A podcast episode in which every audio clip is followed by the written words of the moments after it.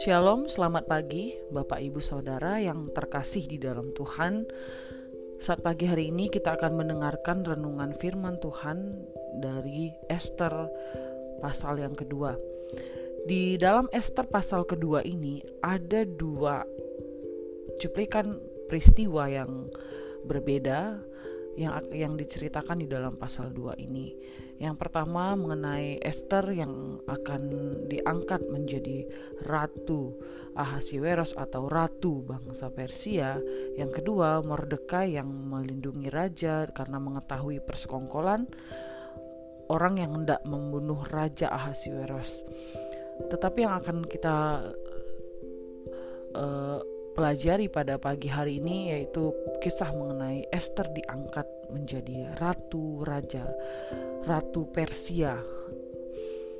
Eh, Bapak Ibu Saudara, kalau dilihat dari latar belakang Esther ini adalah atau latar belakang bangsa Israel adalah mereka pada saat zaman kitab ini eh, pada zaman kitab ini ditulis mereka sedang dalam keadaan masa pembuangan yang artinya bangsa Israel sedang dijajah oleh bangsa Persia. Dan raja dari bangsa Persia ini sendiri adalah Ahasiweros itu sendiri.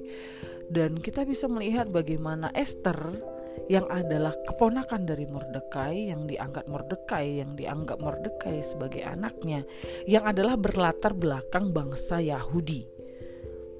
Jadi Esther yang akan di menjadi ratu bangsa Persia ini adalah orang Yahudi. Kita bisa bagaimana, melihat bagaimana parasnya Esther di dalam pasal 2 ini dikatakan dia itu orang yang perawakannya cantik dan dia orang yang penyayang sehingga ketika orang memandangnya orang langsung berbelas kasihan terhadap dia, orang langsung mengasihi dia, orang langsung menyayangi dia dari perawakannya Esther ini sendiri. Dan di situ dikatakan ketika Esther yang akan diangkat e, dipilih lewat kontes pemilihan untuk raja sendiri yang akan memilih siapa yang akan menjadi ratunya.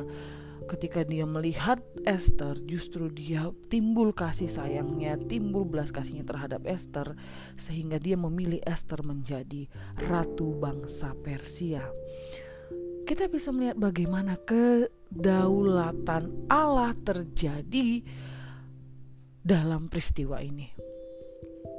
Bagaimana Allah mengendalikan situasi keadaan pada saat itu. Kita bisa melihat Bapak Ibu Saudara, siapa Esther? Esther yang adalah orang buangan, Esther yang adalah orang yang bangsa yang sedang dijajah, bangsa yang menjadi budak pada saat itu, justru Esther menjadi seorang ratu bagi raja Persia. Menjadi orang nomor dua di Persia yaitu seorang ratu. Orang yang diagungkan, dihormati Bapak Ibu Saudara, apakah itu Esther yang mengendakinya? Justru Esther tidak tahu sama sekali bahwa dia akan menjadi seorang ratu, bahwa dia akan menjadi seorang yang pemimpin yang luar biasa yaitu ratu, istrinya seorang raja Persia, orang yang besar yang pada akhirnya akan dihormati. Dia tidak tahu itu dan dia tidak memahami tetapi kita bisa melihat bagaimana Allah mengontrol sejarah, bagaimana Allah berdaulat atas sejarah kisah Esther. Karena pada akhirnya rentetannya kita bisa melihat justru Esther yang akhirnya menyelamatkan bangsanya dari perbudakan. Meskipun dalam kisah ini tidak menjelaskan, tidak ada nampak di dalam pasal 2 ini tidak ada nampak eh, bagaimana Tuhan bekerja, tetapi dari peristiwanya kita bisa melihat bagaimana kedaulatan Allah itu nyata. Bapak Ibu Saudara, seberapa sering kita meragukan kuasa Tuhan, seberapa sering kita meragukan rancangan Tuhan atas hidup kita, seolah-olah kita bertanya, Tuhan benar nggak melakukan hal ini dalam hidupku? Tuhan benar tidak memberikan masalah ini, kesulitan tantangan ini, pergumulan ini dalam hidup saya? Seolah kita meragukan apakah rancangan Tuhan itu benar, apakah Tuhan itu berdaulat atas kehidupan kita. Kita meragukan rancangan Tuhan atas hidup kita.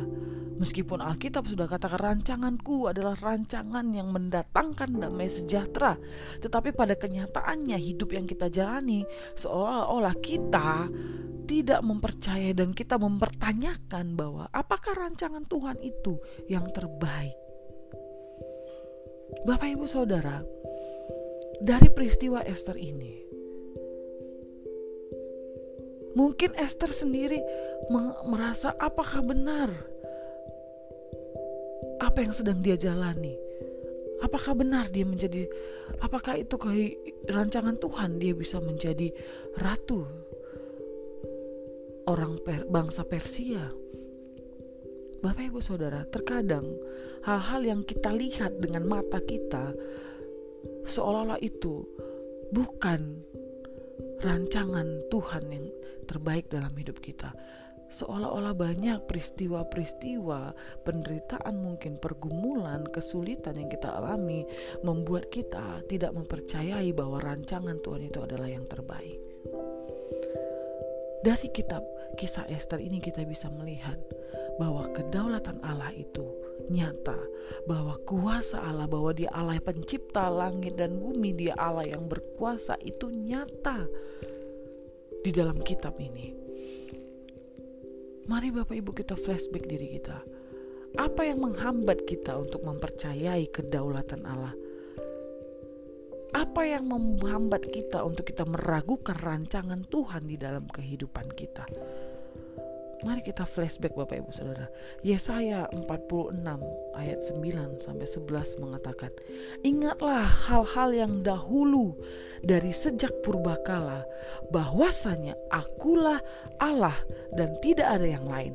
Akulah Allah dan tidak ada yang seperti aku yang memberitahukan dari mulanya hal yang kemudian dan dari zaman purbakala apa yang belum terlaksana yang berkata, keputusanku akan sampai dan segala kehendakku akan kulaksanakan. Yang memanggil burung buas dari timur dan orang yang melaksanakan putusanku dari negeri yang jauh. Aku telah mengatakannya maka aku hendak melangsungkannya. Aku telah merencanakannya maka aku hendak melaksanakannya. Bapak Ibu percayalah Ketika Tuhan yang merencanakan, maka itu akan terlaksana. Ketika firman Tuhan mengatakan bahwa rancangannya adalah rancangan yang terbaik, masa depan yang terbaik, maka itu akan terlaksana ketika kita mempercayainya. Bapak, ibu, saudara, rancangan Tuhan akan tetap terjadi.